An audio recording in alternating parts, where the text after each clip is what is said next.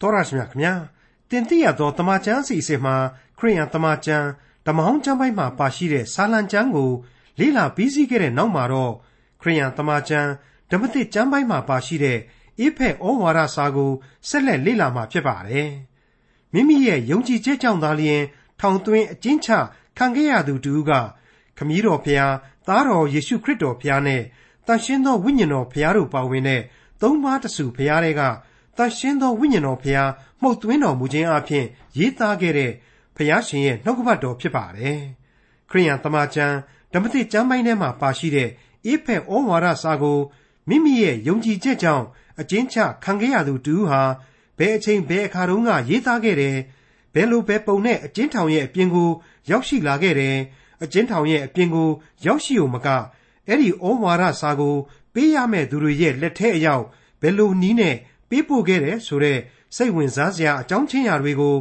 အေဖက်ဩဝါဒစာကို မလေ့လာမီအစာပြိုးဏ္ဍန်ဖြစ်နေဒီကနေ့တင်ပြရသောတမချန်းအစီအစဉ်မှာလေ့လာမှတ်သားကြရမှာဖြစ်ပါတယ်။အေဖက်ဩဝါဒစာနဲ့ဓမ္မသစ်ကျမ်းရဲ့နောက်ဆုံးကျမ်းဖြစ်တဲ့ဗျာဒိတ်ကျမ်းတို့ဟာယုတ်တိဗေဒနီးအရာရောသင်္ချာနီးအရာပါအင်မတန်မှ ရှင်းလင်းပြတ်သားအသက်ဝင်တဲ့ကျမ်းတွေဖြစ်တယ်လို့မှတ်ယူရတဲ့အတိုင်းအေဖက်ဩဝါဒစာကိုမလေ့လာမီ အစပြိုးဏ္ဍန်အဖြစ်နဲ့ဒေါက်တာထွန်းမြတ်ရေးက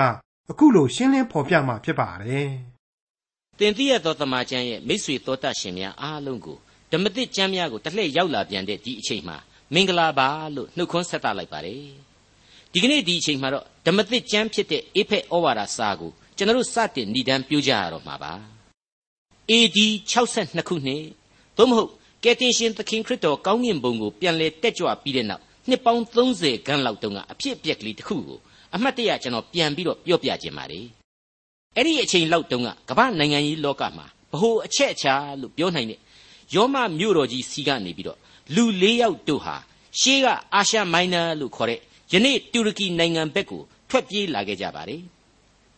အဲ့ဒီလူ၄ယောက်တို့စီမှာခရိယန်တို့ရဲ့အရေးအလွန်ကြီးတဲ့ခံယူချက်စာတမ်း၄ဆောင်ကိုတိတ်တဆိတ်ယူဆောင်လာကြပြီးတော့ ရှေးကာလအာရှမိုင်းနာသို့မဟုတ်တူရကီနိုင်ငံမြောက်ဘက်ပိုင်းစီကိုသူတို့ဟာထွက်လာခဲ့ကြတာပဲဖြစ်ပါတယ်ယောမဟာအဲ့ဒီခေတ်မှာဘုံတကိုးအာဏာအရှိဆုံးနဲ့ကဘာမှာအေယာမအင်ပါယာနိုင်ငံကြီးကိုထူထောင်ထားကြတဲ့အတွက်လုံခြုံရေးလဲအကြီးအကျယ်တင်းကျပ်လှစွာနဲ့သူတို့ရဲ့နိုင်ငံလုံခြုံရေးသူတို့ရဲ့အင်ပါယာကြီးလုံခြုံရေးကိုဆောင်ရွက်နေတဲ့အချိန်ဖြစ်ပါတယ်တင်းကျပ်တဲ့အချိန်ကာလပေါ့ဒါပေမဲ့အဲ့ဒီလူ၄ယောက်ယူဆောင်လာတဲ့စာတွေကိုအာနာပိုင်တွေဟာ ငကန်းတလုံးမှနားမလည်ခဲ့ကြပါဘူးဒီတော့အဲ့ဒီလူ၄ယောက်ဟာလေအလိုလိုသူတို့အဖို့ဘာဆိုဘာမှအရေးပါအရာရောက်เสียမရှိတဲ့လူတွေဖြစ်တယ်ဆိုတဲ့အသိနဲ့သူတို့အတွက်ဘာမှမှုလောက်เสียမရှိဘူးဆိုတဲ့လူတွေဆိုတဲ့အသိနဲ့သူတို့ဟာလွတ်ပေးလိုက်ကြပါလေဒါနဲ့ပဲဒီလူ၄ယောက်တို့ဟာဘေးကင်းလုံခြုံစွာနဲ့ အဲ့ဒီသူတို့လက်ထက်ကစာ၄ဆောင်နဲ့အတူယောမနယ်မြေကိုလွန်လာခဲ့ပြီးတော့သူတို့ရည်မှန်းရာတူရကီပြည်ကိုဆိုက်ဆိုက်မြဲ့မြဲ့ရောက်ရှိလာခဲ့ကြပါတော့တယ်တကယ်တော့အဲ့ဒီလူ၄ယောက်ဟာတူရကီနိုင်ငံကအစိတ်အပိုင်းကြီး၄ခုစီကိုဒီစာ၄ဆောင်ခွဲဝေဖြန့်ဖြူးဖို့ယူလာကြတာဖြစ်တယ်ဒီစာ၄ဆောင်ဟာလေထောင်တဲကလူတစ်ယောက်ရေးသားလိုက်တဲ့စာတွေဖြစ်တယ်ဒီစာတွေဟာအနာဂတ်ကမ္ဘာသမိုင်းအတွက်အလွန်အလွန်အဖိုးတန်လှတဲ့စာပေတွေဖြစ်တယ်ဆိုတာကိုသာ ယောမတို့ဟာသိမယ်ဆိုရင်အဲ့ဒီအချိန်ကခရစ်တော်ကိုဆန့်ကျင်နေတဲ့ယောမလက်အောက်ကနေဒီလူ၄ယောက်ဟာဘယ်လို့မှလွတ်မြောက်ဖို့မရှိခဲ့ပါဘူးအဲ့ဒီလိုသာဆိုရင်လေနှုတ်ကပတ်တော်တွေကအလွန်အလွန်အရေးကြီးတဲ့ဩဝါဒစာကြီး၄ဆောင်ကိုကျွန်တော်တို့ဟာလေဘယ်နည်းနဲ့မှတွေ့မြင်သိနာလေခွင့်ခံယူခွင့်ရရှိကြတော့မှာမဟုတ်ဖ ೇನೆ နှုတ်ကပတ်သမာကျမ်းစာတော်မြတ်မှာအသက်အသက်တမျှအရေးကြီးလာတဲ့အသင်းတော်တို့အတွက်ဩဝါဒစာတွေဟာလေ ပြည့်စုံလုံလောက်ခြင်းရှိလာလိမ့်မယ်လို့ကျွန်တော်တို့ရေးရေးလေးတောင်မှအိမ်မက်မက်နိုင်စရာအကြောင်းမရှိတော့ပါဘူးဟုတ်ပါတယ်ဓမ္မသမိုင်းစာမျက်နှာတို့မှာမပါဝင်ရင်မဖြစ်တဲ့အသက်တရားစာပေများကိုလူသားတို့ဟာဖြည့်ဆည်းပေးရစမြဲပဲဖြစ်ပါတယ်ရုပ်စွအဆုံးဆိုရင်ရန်သူတို့ကတောင်မှကြိုက်သည်ဖြစ်စေမကြိုက်သည်ဖြစ်စေခွင့်ပြုလိုက်ရစမြဲပဲဖြစ်တယ်ဆိုရင်မမှားဘူးအဲ့ဒါနဲ့ပဲအဲ့ဒီလူ၄ယောက်တို့တဲက တယောက်သောသူဟာဖိလိပ္ပိဆိုတဲ့အရက်ဒေသကိုရောက်သွားခဲ့တယ်သူ့ရဲ့အမည်ကတော့ Epaphroditus သို့မဟုတ်အေပဖြောဒေလို့ခေါ်ပါတယ်သူ့လက်ထဲမှာပါလာတာကတော့ဖိလိပ္ပိဩဝါဒစာဆိုပြီးတော့ဒီကနေ့ကျွန်တော်တို့ခေါ်ဝေါ်နေတဲ့ဖိလိပ္ပိအသင်းတော်အတွက်ဩဝါဒစာကြီးပဲဖြစ်ပါတယ်နောက်တစ်ယောက်သောသူရဲ့အမည်နာမည်ကတော့ Tychicus လို့ခေါ်သူဖြစ်ပါတယ်သူဟာအေဖက်မြို့ကြီးစီကမြို့ကြီးသားပဲဖြစ်ပါတယ်ဒါကိုမြန်မာကျမ်းမှာကတော့မူရင်းအသံတွဲနဲ့ တုခိဆိုပြီးတော့ခေါ်တာကိုတွေ့ရပါတယ်သူကတော့အခုကျွန်တော်တို့လေ့လာရမယ်အေဖက်ဩဝါဒစာလို့ခေါ်တဲ့ဆုံးမစာကြီးကိုဆောင်ယူလာခဲ့ခြင်းပဲဖြစ်ပါတယ်တတိယမြောက်လူကတော့ကောလောသဲဒေသသားအေပီဖရတ်ဆိုသူဖြစ်ပါတယ်ဟေပြဲအသံတွဲအဖြစ်အေပဖြဆိုပြီးတော့ကျမ်းစာမှာသူ့အမည်ကိုကျွန်တော်တို့တွေ့နိုင်ပါလိမ့်မယ်နောက်ဆုံးသောသူကတော့ကောလောသဲဒေသသားထောင်တွက်တယောက်ဖြစ်သူအောနေသိန်ဆိုသူဖြစ်ပါတယ်သူကတော့သူ့ရဲ့သခင်ဖြစ်သူ ဖိလေမုန်အတွက်စာတစ်စောင်ကိုယူဆောင်လာခဲ့တာပါပဲမိတ်ဆွေအပေါင်းတို့ခမညာအဲ့ဒီဩဝါဒစာတွေကိုရေးသားလိုက်တဲ့ထောင်တဲကလူဆိုတာကတော့တခြားဟုတ်ယူလားကျွန်တော်ရဲ့ဆရာကြီးတမန်တော်ကြီးရှင်ပေါလုပါပဲသူဟာသူ့ကိုယ်သူယေရှုခရစ်ဤတမန်တော်ယေရှုခရစ်ဤကျွန်ဆိုပြီးတော့အလွန်ဂုံယူစွာနဲ့သူ့ကိုယ်သူကျွန်တော်နဲ့မိတ်ဆက်ပေးထားခဲ့ပါတယ်ဒီစာလေးဆောင်ကိုယောမမျိုးကထောင်ထဲမှာ ထောင်တစ်ခုထဲမှာသူရေးသားပြီးတော့အခုလူကြုံတွေနဲ့ဖိလိပ္ပိအေဖက်ကောလောသဲအရက်ဒေသဒီကိုလူကြုံပါနေတဲ့အချိန်မှာ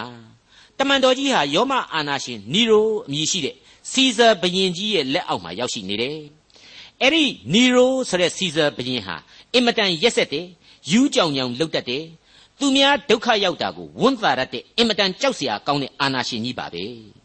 ပေါလုဟာယောမနိုင်ငံသားတယောက်အနေနဲ့ သူ့ရဲ့ယောမနိုင်ငံသားအခွင့်အရေးနဲ့အညီယောမတရားယုံမှာဘရင်အမိန့်ကိုစောင့်ဆိုင်နေရခြင်းလို့ဆိုနိုင်ပါလိမ့်မယ်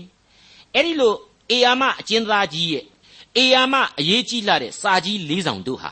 ဒီလောက်အထိဝေးကွာတဲ့တူရကီလိုဒေသအထိဆိုက်ဆိုက်မြိုက်မြိုက်ရောက်သွားခြင်းအပြင်ကျွန်တော်တို့အတွက်သမိုင်းဝင်ဩဝါဒစာများကိုရရှိစေပါတယ်ဒီတဲ့ပို့ပြီးတော့အရေးကြီးတာကတော့ဒီကနေ့ကျွန်တော်တို့ကိုးကွယ်နေတဲ့ကယ်တင်ရှင်သခင်ယေရှုရဲ့အလွန်ပြည်ပြင်းသောသရုပ်ဒရန်တို့ကို ဒီစာပေလေးစုဟာပေါင်းစုဖော်ပြနေတယ်ဆိုတဲ့အချက်ပဲဖြစ်ပါတယ်ဒါကြောင့်လေဒီစာတို့ကိုအဲ့ဒီအချိန်ကာလမှာကယ်တင်ရှင်သခင်ခရစ်တော်ကိုလုံးဝလက်မခံခရိယန်ဆိုရင်ရန်သူလိုသဘောထားနေတဲ့ရန်သူလိုသဘောထားနေတဲ့အင်မတန်ရက်ဆက်တဲ့ယောမအာနာပိုင်တို့ကိုယ်တိုင်ဟာပိတ်ဆို့စီးတာခြင်းအရှင်းမရှိနိုင်ပဲနဲ့လက်ရှောင်ပြီးတော့ပေးလိုက်ရတယ်။တနည်းအားဖြင့်တော့ဘုရားသခင်ရဲ့အမိန့်တော်အားဖြင့်ကမ္ဘာလောကသားတို့သိကြားစေသတည်းဆိုပြီးတော့ဘုရားသခင်ရဲ့အမိန့်တော်အားဖြင့် ဩဝါဒစာများအဖြစ်သမိုင်းဝင်ဖြစ်သွားရခြင်းပဲ။တန်ရှင်းသောဝိညာဉ်တော်ရဲ့ပို့ဆောင်တော်မူခြင်းပဲ။ဒါကြောင့်မလို့ကျွန်တော်ဟာနှုတ်ကပတ်တော်ဟာအစဉ်တစိုက်အသက်ရှိတယ်လို့ပြောခဲ့ပြီးပြီမဟုတ်ဘူးလား။မိတ်ဆွေတော်တတ်ရှင်အပေါင်းတို့ခမညာ။အဲ့ဒီဩဝါဒစာကြီးများတဲ့ကအခုအေဖက်ဩဝါဒစာဟာဆိုရင်ခရစ်တော်ကြီးဟူသောဥကောင်းရဲ့ခန္ဓာကိုယ်အစိတ်အပိုင်းဖြစ်သောအသင်းတော်ရဲ့အကြောင်းကိုသာဗဟိုပြုအဓိကဖော်ပြသွားမှာဖြစ်ပါတယ်။ကောလောသဲဩဝါဒစာကျတော့ ခရစ်တော်ကြီးဟူသောဥကောင်းရဲ့အကြောင်းကိုအထူးပြုဖော်ပြသွားမယ်လို့ကျွန်တော်ကြိုတင်မိတ်ဆက်ပေးထားနှင်ကြပါတယ်။ဖိလိပ္ပိဩဝါဒစာကတော့ခရစ်တော်၌ခွန်အားပြည့်ဝစွာအသက်ရှင်သောခရိယန်တို့ရဲ့အသက်တာအကြောင်းကိုကျွန်တော်သိနာလေသွားအောင်ဖော်ပြမှာဖြစ်ပြီးတော့ဖိလိမုန်ဩဝါဒစာဆိုတာကတော့လူတစ်ယောက်နဲ့သက်ဆိုင်တဲ့ပုဂ္ဂိုလ်ရေးဩဝါဒစာဖြစ်တယ်။အဲ့ဒီဩဝါဒစာဟာရှေးခေတ်နတ်အစွဲလန်းကြီးနေတဲ့လူအဖွဲ့အစည်းအတွင်းကလူတွေအဖို့အသက်လန်းတရားကိုဖော်ထုတ် ဟောပြောသွားမှာဖြစ်တယ်။ဩဝါဒပြုသွားမှာဖြစ်တယ်ဆိုတာကိုလေကြိုတင်ပြီးကျွန်တော်သိစေချင်ပါတယ်။ကျွန်တော်ဒီကနေ့အထူးပြုခြင်းတဲ့အေဖက်ဩဝါဒစာတွေကအချက်တစ်ခုကတော့အေဖက်ဩဝါဒစာအခန်းကြီး2အငယ်30မှာပါဝင်တဲ့အချက်ဖြစ်ပါတယ်။အဘယ်ကြောင့်ဤဟုမူကားငါတို့သည်ကောင်းသောအကျင့်တို့ကိုကျင့်ရမည်အကြောင်းယေရှုခရစ်၌ပြုပြင်၍ဖန်ဆင်းတော်မူရာဖြစ်ကြ၏ထိုကောင်းသောအကျင့်တို့၌ငါတို့သည်ကျင့်လည်ရမည်အကြောင်းဖျားသခင်သည်ငါတို့ကို ပြင်ဆင်တော်မူနှင့်ပြီတဲ့အဲ့ဒီလိုဖော်ပြထားတဲ့ထူးခြားတဲ့အချက်ပဲဖြစ်ပါတယ်ဒါဟာဓမ္မဟောင်းကာလမှာမမြင်ရတဲ့အံ့ပွေသောအသင်းတော်ရဲ့သဘောတရုပ်ကိုဖော်ထုတ်လိုက်တာပဲဖြစ်ပါတယ်အသင်းတော်ဆိုတာဟာခရစ်တော်ရဲ့တန်ရှင်းသောဝိညာဉ်တော်၌သာတည်လို့ရတဲ့အရာရှေးကာလဘုံဗိမ့်မှန်တော်တွေကိုရွှေတွေငွေတွေကြောက်တံပရမများတွေနဲ့တီတာမျိုးလို့တီလို့ရတဲ့အရာမဟုတ်ဘူးဆိုတာကိုဖော်ကျူးလိုက်တာပါပဲယေရှုခရစ်၌ပြုပြင်၍ ဖန်ဆင်းတော်မူသောဆိုတဲ့ဒီအရာကိုအသင်းတော်လို့ခေါ်တဲ့ဆိုကြတဲ့ကကျွန်တော်အခုခေတ်မှာအသင်းတော်လို့ထင်နေကြတဲ့အဆောက်အဦကြီးတွေတဲ့ invisible church လို့ခေါ်တဲ့မျက်စိနဲ့မမြင်ရတဲ့ဝိညာဏအသင်းတော်ဟာသာပို့ပြီးအရေးကြီးတယ်ဆိုတာကိုနားလည်လာစီပါတယ်ဒီအသင်းတော်ဆရာဟာတကယ်တော့ခရစ်တော်ဟာသူတို့သမီးကညာကိုချစ်တယ်လို့ချစ်မြတ်နိုးခြင်းရှိတဲ့အသင်းတော်ဖြစ်တယ် သူကိုယ်တိုင်ဒီအသင်းတော်ကိုတနေ့သောအခါမှာသိမ်းဆည်းမယ်ဆိုတာကိုလေနှုတ်ကပတ်တော်သင်ခန်းစာအဆက်ဆက်မှာကျွန်တော်တို့တွေ့ကြရပြီဖြစ်ပါတယ်အေဖက်ဩဝါဒစာကိုဓမ္မဆရာကြီးများဟာအမိအမျိုးမျိုးတက်ပြီးတော့ဂုံပြုကြတာကိုကြားရပါတယ်တချို့တချို့သောသူတေတီတွေကပေါလုဤကောင်းကင်ဘုံလွှာဒေသနာဆိုပြီးတော့တင်စားခေါ်ဝေါ်ကြတယ်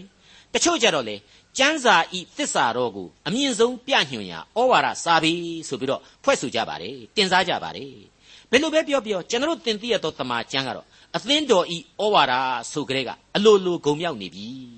ဝိညာဉ်ရေးဂုံတူဝိသေသတွေထပ်ပြီးအပိုဆောင်းနေဖို့မလိုတော့ဘူးလို့ထင်ပါတယ်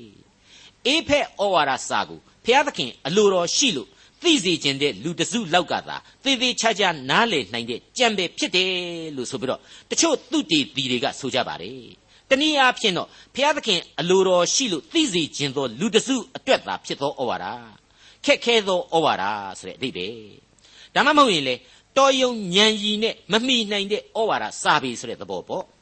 အဲ့ဒါကတော့မမှားဘူးအမှန်ပဲလို့ကျွန်တော်ကဒီနေရာမှာပြောချင်ပါတယ်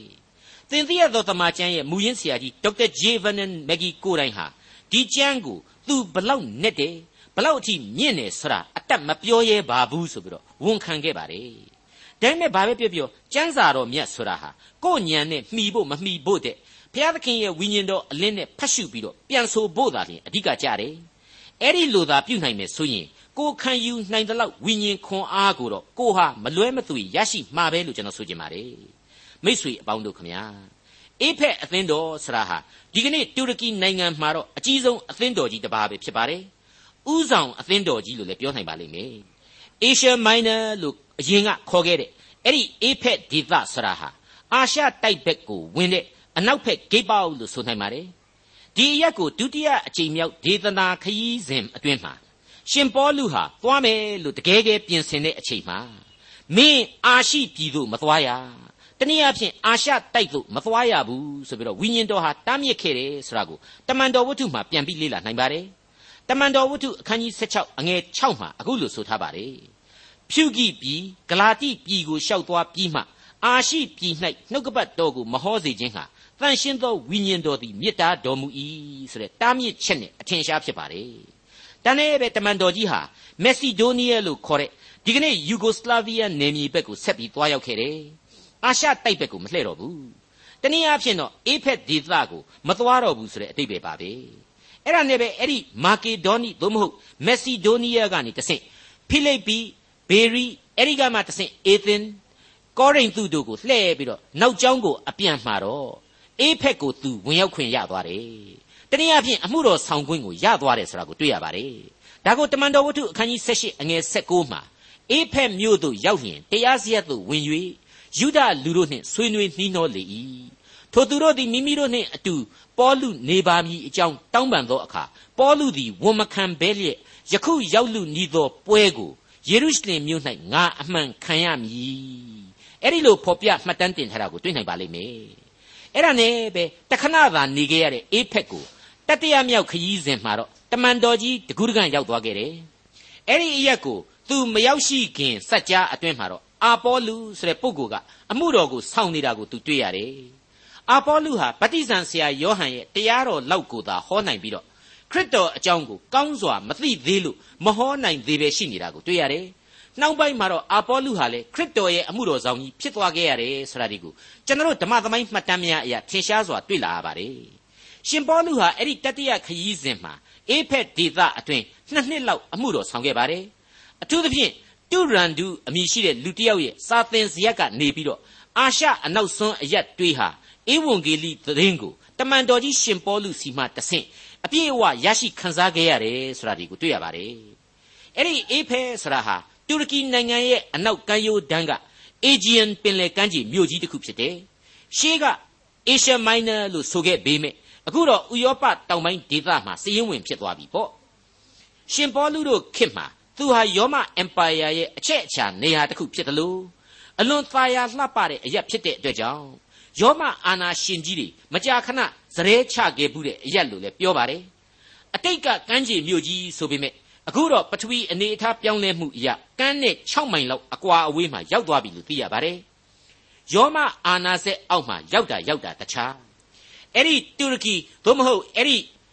အေရှ ia မိုင်နာဒဒါမှမဟုတ်လေဒီကနေ့အဖို့ဥရောပတောင်ပိုင်းဟာအဲ့ဒီအချိန်ကာလမှာယဉ်ကျေးမှုအရာ Greek ယဉ်ကျေးမှုသာလျှင်လွှမ်းမိုးစေပဲဖြစ်ခဲ့တယ်။ Greek တွေမတိုင်ခင်တုန်းကလွှမ်းမိုးခဲ့တဲ့ Apex ဒေသအရှေ့တိုင်းယဉ်ကျေးမှုဟာ အဲ့ဒီအချိန်မှာ Greek ယဉ်ကျေးမှုတွေနဲ့ရောထွေးနေပြီဖြစ်လို့အရှေ့နဲ့အနောက်ရောသမတဲ့ဒေသလို့လေကျွန်တော်တို့သတ်မှတ်ခြင်းဖြစ်နိုင်ပါလိမ့်မယ်။ဒီတော့ Apex ဆိုတာဟာလေသူ့ရဲ့အထက်ဘက်ကကောရိန္သုလိုပဲပေါ့။လော်ကီပျော်မွေ့ခြင်းတွေအမျိုးမျိုးနဲ့လွှမ်းမိုးတဲ့အရာ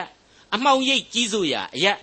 အသွေးအသားတက်မဲ့ဆွဲလန်းခြင်းဆွဲဆောင်မှုတွေမြောက်များစွာပြည့်ဝနေတဲ့အရက်လို့လည်းကျွန်တော်တို့ပြောနိုင်ပါလိမ့်မယ်။ကမ္ဘာအံ့ဖွယ်အဆောက်အုံကြီးခုနှစ်ခုအနက်မှာတစ်ခုဖြစ်တဲ့ Diana နတ်ကွန်းကြီးရှိတဲ့အရက်လေ။ Greek အာနာရှင်ကြီး Alexander the Great ရဲ့ပညာရှင်ခေတ်ကလက်ရာတွေအမြောက်အများပါဝင်ပြီးတဲ့နောက်ပိုင်းအဆောင်ပေါင်းလဲ128ခုလောက်ရှိတဲ့နတ်ကွန်းကြီးဖြစ်ပါတယ်တဲ့။အေးဖက်အရက်က Diana ဆရာဟာတခြား Diana နတ်သမီးတွေလိုလနတ်သမီးတော့မဟုတ်ဘူးတဲ့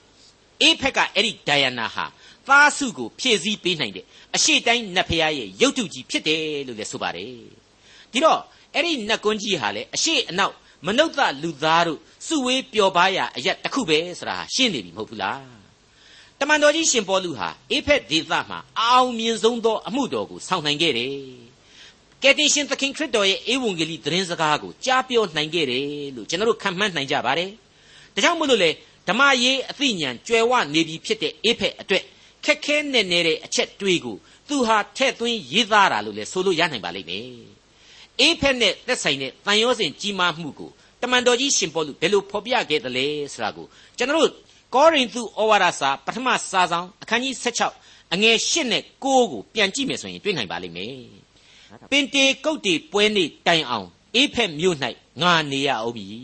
အကြောင်းမူကားအလွန်ကြီးစွာသောတကားသည်အစဉ်သင့်၍ငါအားဖွင့်လျက်ရှိ၏စီတာသောသူအများလည်းရှိကြ၏ဆိုတဲ့ဖော်ပြချက်ကိုတွေ့ရခြင်းပါပဲ တမန်တော်ကြီးအဖို့အေဖက်ဒေသဟာအောင်မြင်တဲ့အရက်ဒေသဖြစ်တယ်လို့ဆိုရပေမယ့်အဲ့ဒီအရက်ကနတ်ရုပ်လုတ်ပြီးတော့စီးပွားဖြစ်နေတဲ့လူတွေနဲ့အကြီးအကျယ်ပရိပက္ခတွေဖြစ်ခဲ့ရဘူးတဲ့ဒါပေမဲ့ဘုရားသခင်သူ့ကိုကွယ်ကာတော်မူခဲ့တယ်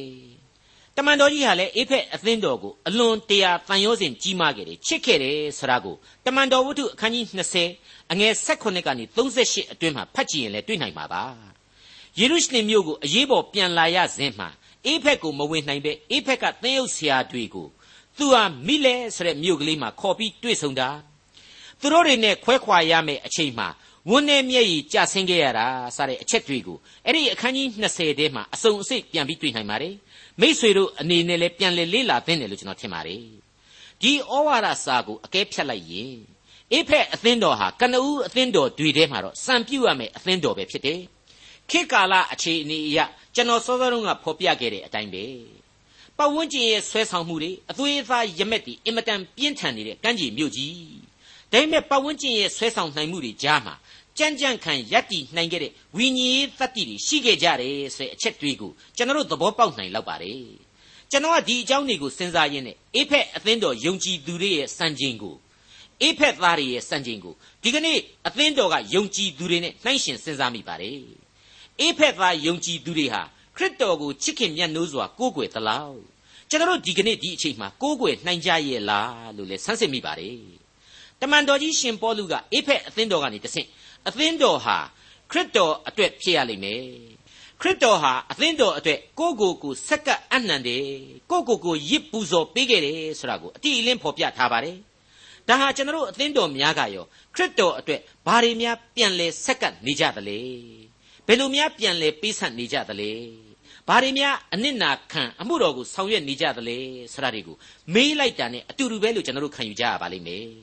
မိษွေတော်တတ်ရှင်အပေါင်းတို့ခမညာခရစ်တော်ဟာကျွန်တော်တို့ကိုချစ်တဲ့အတွက်ကြောင့်လူစားတိကိုခံယူပြီးတော့ပြင်းထန်တဲ့အသွေးတော်အားဖြင့်ရစ်ပူဇော်ခြင်းကိုခံယူခဲ့တယ်။ကားတိုင်းတော်ကိုတက်ခဲ့တယ်။ကျွန်တော်တို့ကခရစ်တော်ကိုချစ်လို့ဟိုတယ်ပေါ်ကိုများတက်နေကြသလား။ မာမာနစင်မြင့်ကြီးတွေဆောက်ပြီးတော့အဲ့ဒီစင်မြင့်ကြီးတွေပေါ်မှာပဲအသွေးအသားပျော်ရွှင်မှုများနဲ့အချိန်ကုန်နေကြပါသလား။ဒါတွေဟာကိုယ့်ကိုယ်ကိုပြန်ပြီးမေခွန်းထုတ်ရမယ်မေခွန်းတွေပဲဖြစ်ပါတယ်။အိဖက်အသင်းတော်ကိုဗျာဒိတ်ကျမ်းဟာရှေ့တန်းကထည့်သွင်းပြီးတော့အသင်းတော်သမိုင်းကပီးကိုရေးထိုးပေးထားခဲ့တာကိုတွေ့ရပါတယ်ကျွန်တော်အသင်းတော်များကရောနောက်တန်းကနေပြီးတော့သမိုင်းကပီးကိုလိုက်ပြီးတော့ဖျက်နေကြပါသလားဒါကိုကျွန်တော်တို့စဉ်းစားဖို့အထူးပဲလိုအပ်တယ်လို့ကျွန်တော်တင်ပြခြင်းပါတယ် ဒီနေရာမှာအထူးအရေးကြီးတာတစ်ခုကိုကျွန်တော်ဖော်ပြခြင်းပါသေးတယ်ကျမ်းစာလေ့လာသူတွေအတော်များများဟာအေဖက်ဩဝါဒစာရေးဗျာဒိတ်ကျမ်းရေဟာလူတွေနဲ့သိပ်ပြီးတော့မကိုက်ဘူးတဲ့အထူးသဖြင့်ဘုရားသခင်ကိုကိုယ်အုံနှောက်နဲ့ကိုယ်သွားပြီးပြိုင်ကျင်တဲ့လွတ်လပ်စွာတွေးခေါ်ရေးဝါဒီသမားတချို့ဟာဆိုရင်အဲ့ဒီအေဖက်ဩဝါဒစာနဲ့ဗျာဒိတ်ကျမ်းကိုဘလောက်အထိတိုက်ခိုက်တယ်လဲဆိုရင်ဗျာဒိတ်ကျမ်းဟာစိတ်ကူးတဲ့ရှိတာတွေကိုလုံထွေးထားလို့ဘယ်သူမှရှင်းလို့မရဘူးတဲ့ ဟောတခါဒီကနေ့ကျွန်တော်တို့လေ့လာရမယ်အေဖက်ဩဝါဒစာကြပြန်တော့လေမြင့်လွန်းနေပြန်လို့ကြွာရီကြွာတာကြီးတဲ့ကျွန်တော်တို့သင်သိရသောသမာကျမ်းအဖွဲ့ကတော့တန်ရှင်းသောဝိညာဉ်တော်ရဲ့လမ်းပြခြင်းကိုခံယူဒေါက်တာမက်ဂီနဲ့တကွဓမ္မဆရာကြီးပေါင်းများစွာတို့ရဲ့စာပေနဲ့အတွေ့အခေါ်တွေကိုအသုံးပြုပြီးတော့မိညမ်းကိုးကားပြီးတော့အဲ့ဒီလိုကပြစ်ကညစ်ပြောတာတွေကိုပြက်ပြက်သားသားပယ်ချလိုက်ပါတယ်အနန္တတကုရှင်ဘုရားသခင်ကိုယုံကြည်ကိုးကွယ်နေတာပဲ နှုတ်ကပတ်တော်ကိုသူချထားပြီးရင်ကျွန်တော်တို့ကလက်ကိုခံရမှာကြီးပဲဖြစ်တယ်သေသေးချာချာစဉ်းစားဆုတောင်းအဖြေရှာလိုက်တော့အေဖက်ဩဝါဒစာနဲ့ဗျာဒိတ်ကျမ်းတို့ဟာကျွန်တော်တို့အခုပြောပြောနေတဲ့ logic လို့ခေါ်တဲ့ယုတ်တဗေဒနီးအရာကိုသင်္ချာနီးအရာပါအလွန်တရာအသက်ဝင်တယ်ရှင်းလင်းပြတ်သားတယ်အဆင့်အတန်းမြင့်စွာနဲ့ရှင်သန်နေတဲ့ကျမ်းများသာဖြစ်တယ်လို့ကျွန်တော်တို့သင်သိရသောသမာကျမ်းအဖွဲ့ကပြတ်သားစွာခံယူပါတယ်ဒေါက်တာဂျေဗန်နန်မက်ဂီဆိုလို့ရှိရင် တမန်ကျမ်းစာလေ့လာသူတို့လက်ဆွဲအဖြစ်နှုတ်ကပတ်တော်အချင်းချင်းဆိုပြီးတော့စာအုပ်ကိုသူပြုစုရမှာအေးဖက်နဲ့ဗျာဒိတ်ကျမ်းတို့အတွက်လေ့လာရန်အခြေခံအချက်တွေကိုရှာရတာဟာသူအင်မတန်သဘောကျတယ်တခြားကျမ်းတွေတဲ့တောင်မှပို့ပြီးတော့လက်တွေ့ဆန်တဲ့အတွက်ကြောင့်သူအင်မတန်နှစ်သက်တယ်လို့ဆိုပါတယ်ဥပမာဗျာဒိတ်ကျမ်းကိုရှင်ယောဟန်ကသူမြင်ခဲ့ရတဲ့အရာသူမြင်စေအရာနဲ့နောင်လာလက်တန့်သောအရာတွေကိုဖျားသခင်ကရေးခိုင်းလို့ရေးတယ် အပိုင်း၃ပိုင်းခွဲပြီးတော့အဲ့ဒီအတိုင်းလေ့လာသွားနိုင်တယ်ပြီးတော့ဗျာဒိတ်ကျမ်းများကိုခုနှစ်ကဏ္ဍပေါ်မှာမူတည်ပြီးလေ့လာလို့လည်းရတယ်အဲ့ဒီနည်းတွေအပြင်အကောင်းဆုံးအဖြေတွေကိုရရှိနိုင်တယ်လို့သူဖော်ပြထားပါတယ်ဒါတွေကိုတော့ဗျာဒိတ်ကျမ်းပိုင်းကိုရောက်လာရင်မိษွေတို့ကိုကျွန်တော်တို့ကလည်းအသေးစိတ်တင်ပြသွားမှာပါမိษွေအပေါင်းတို့ခမညာအခုအချိန်မှာတော့ကျွန်တော်တို့အဖို့လောလောဆယ်အရေးကြီးနေတာဟာတခြားမဟုတ်ဘူးအေးဖက်ဩဝါဒစာပါပဲ အခန်းကြီး6ခုတည်းသာပါဝင်တဲ့အေးဖက်ဩဝါဒစာမှာပထမ3ကျမ်းဟာကောင်းကင်ဘုံရှင်သခင်ဖျားထံမှအသင်းတော်သို့ဖော်ပြလိုသောအချက်တွေနဲ့အခြေခံမူတွေကိုဖော်ပြတယ်နောက်ပိုင်း3ကျမ်းကြတော့မြေလောကနဲ့ဆိုင်တဲ့အချက်တွေကိုနားလည်အောင်ပြက်ပြက်သားသားဖော်ပြထားလိုက်တာဟာလက်တွေ့အင်မတန်ကြနေတယ်ဆိုတာကိုကျွန်တော်တို့တွေ့လာကြရပါလိမ့်မယ်ဟုတ်ပါတယ်အသင်းတော်ရဲ့ဥကောင်းဟာခရစ်တော်လို့ကျွန်တော်တို့သိပြီးကြပြီလေ ဒီတော့ဒီဥကောင်းဖြစ်တော်မူသောကယ်တင်ရှင်သခင်ခရစ်တော်ဟာကောင်းကင်ဘုံနဲ့ဆိုင်တဲ့သခင်ရဲ့အပိုင်ပေါ့ဒါပေမဲ့အဲ့ဒီအသင်းတော်ဟာဘယ်မှာခြေချထားသလဲမြေကြီးပေါ်မှာခြေချထားတယ်ကမ္ဘာလောကကြီးထဲမှာခြေချထားတယ်အဲ့ဒီတော့အေဖက်ဩဝါဒစာအခန်းကြီး၄အငယ်1မှာရှင်ပေါလုဘယ်လိုဆိုခဲ့သလဲဆိုတာကိုကျွန်တော်ကြိုပြီးတော့ဖော်ပြခြင်းပါတယ်ခေါ်တော်မူခြင်းနှင့်ကျေးဇူးတော်ကိုသင်တို့သည်ခံရသည်နှင့်အထိုက်လျောက်ကျင့်ဆောင်မည်အကြောင်းသခင်ဖျားအတွက်ကြောင့်အ ကျဉ်းခံရသောငါသည်သင်တို့ကိုတိုက်တွန်းနှိုးဆော်ပါ၏တဲ့မရှင်းဘူးလားဒါတနည်းအားဖြင့်ကယ်တင်ရှင်သခင်ခရစ်တော်အားဖြင့်ကြွားဝါခြင်းရှိစေဂုံမြင့်စေအောင်မြင်စေတို့ပေမဲ့မြေပြင်ပေါ်မှာလဲဆင့်ပြီးတော့ရှောက်လှမ်းကြဆိုပြီးတော့တိုက်တွန်းလိုက်တာပဲမဟုတ်ဘူးလားခေါ်တော်မူခြင်းကျေးဇူးတော်ကိုခံရတဲ့လူတွေဟာအထိုက်အလျောက်အကျင့်တရားရှိရမယ်ဆိုတဲ့သဘောကမ္ဘာလောကကြီးထဲမှာရှင်သန်ရမယ်ဆိုတဲ့သဘောပဲ ဒီတော့ကျွန်တော်တို့ဟာခရစ်တော်ရဲ့လူတွေဆိုပြီးတော့ကောင်းကင်ဘုံပေါ်မှာပဲတက်ပြီးနေခြင်းလို့မရနိုင်ဘူးလက်တွေ့ကြကြလူဘဝမှာလဲကျင့်လေကြရလိမ့်မယ်အထူးသဖြင့်အေးဖက်လူကမ္ဘာအရှိနဲ့အနောက်ဆုံရအရက်နတ်တို့ပျော်ရာအရက်ကလူသားတွေအနေနဲ့ကျမ်းရဲ့ပထမပိုင်းဟာအရေးကြီးသလိုဒုတိယပိုင်းဟာလည်းအရေးကြီးတယ်မျှတစွာလေ့လာလိုက်စားရမယ်ကြံများဖြစ်တယ်ဆိုတာကိုတွေ့လာရပါတယ်ကောင်းကင်ဘုံမှသခင်ရဲ့သိစီခြင်းတဲ့အချက်တွေ အသင်းတော်တို့အခြေခံရမယ့်မူတွေလို့ဆိုထားတဲ့ပထမ၃ကျမ်းသို့မဟုတ်ပထမပိုင်းကန္တမှာတိအသင်းတော်သည်ခရစ်တော်၏ဥကောင်းအောက်မှခန္ဓာတော်ဖြစ်သည်နှစ်အသင်းတော်သည်ဖျားသခင်၏တန်ရှင်းသောဗိမာန်တော်ဖြစ်သည်သုံးအသင်းတော်သည်အံ့ဩပွေသောအဆောက်အုံဖြစ်သည်ဆိုတဲ့အချက်ဒီကိုမိษွေတို့နားလေလွယ်အောင်ကျွန်တော်အတတ်နိုင်ဆုံးစ조사ရှင်းလင်းဖော်ပြသွားပါမယ်လက်တွေ့သဘောတရားနဲ့ပြေဝနေတဲ့ဒုတိယအပိုင်း၃ချမ်းကြတော့၁ အသင်းတော်ဟူသည်ဘဝသစ်လူသားနှစ်အသင်းတော်သည်မျက်နှိုးအပ်သောသူတို့သမီးကညာသုံးအသင်းတော်သည်ယုံကြည်ခြင်းဤစစ်တီတော်ဆိုတဲ့အချက်တွေကိုဖော်ပြသွားပါလိမ့်မယ်အကုန်လုံးဟာအလွန်စိတ်ဝင်စားဖွယ်ကောင်းတဲ့သင်ခန်းစာများကြီးပဲဖြစ်ပါတယ်ဒီသင်ခန်းစာတွေဟာအလွန်အလွန်ခက်ခဲတဲ့အချက်တွေပါဝင်ပါလိမ့်မယ်ဒါပေမဲ့တန်ရှင်းသောဝိညာဉ်တော်လမ်းပြခြင်းကိုခံယူကယ်တင်ရှင်သခင်ခရစ်တော်ထံမှခွန်အားယူပြီးတဲ့နောက်လေ့လာသွားမယ်ဆိုရင်ဒီခက်ခဲခြင်းအလုံးစုံတို့ကနေတဆင့်ရယူအပ်သောဝိညာဉ်ရေးအနှစ်သာရများတို့ကိုပေးစွန်းသွားပါလိမ့်မယ်အဲ့ဒီလိုဖော်ပြသွားမဲ့အေဖက်ဩဝါဒစာဟာဖြင့်ဘလောက်အထိအတိတ်ပဲကျေဝန်းနေဆိုင်နေဝိညာဉ်ခွန်အားများကိုဖြစ်ပွားစေတယ်အသက်တာအတွက်ဘလောက်အထိအကျိုးကျေးဇူးပြုတယ်ဆိုတာကိုကျွန်တော်ကြိုပြီးမပြောပါဘူးမိษွေတို့ကိုယ်တိုင်ဘုရားသခင်ကိုဆုတောင်းပြီးတော့နာတော်တာဆင်ရင်တဲ့ပုံမရှင်းလင်းစွာနားလေခန်းစားသွားရမှာဤကံအမှန်ပါ ဒေါက်တာထွန်းမြတ်ရေးစီစဉ်တင်ဆက်တဲ့တင်ပြရသောတမချန်းအစီအစဉ်ဖြစ်ပါတယ်နောက်တစ်ချိန်တင်ပြရသောတမချန်းအစီအစဉ်မှာခရိယန်တမချန်းဓမ္မသစ်ကျမ်းပိုင်းတွေကအေဖက်ဩဝါဒစာ အခန်းကြီး1အခန်းငယ်1နဲ့အခန်းငယ်2တို့ကိုလေ့လာမှာဖြစ်တဲ့အတွက်စောင့်မျှော်နားဆင်နိုင်ပါတယ်။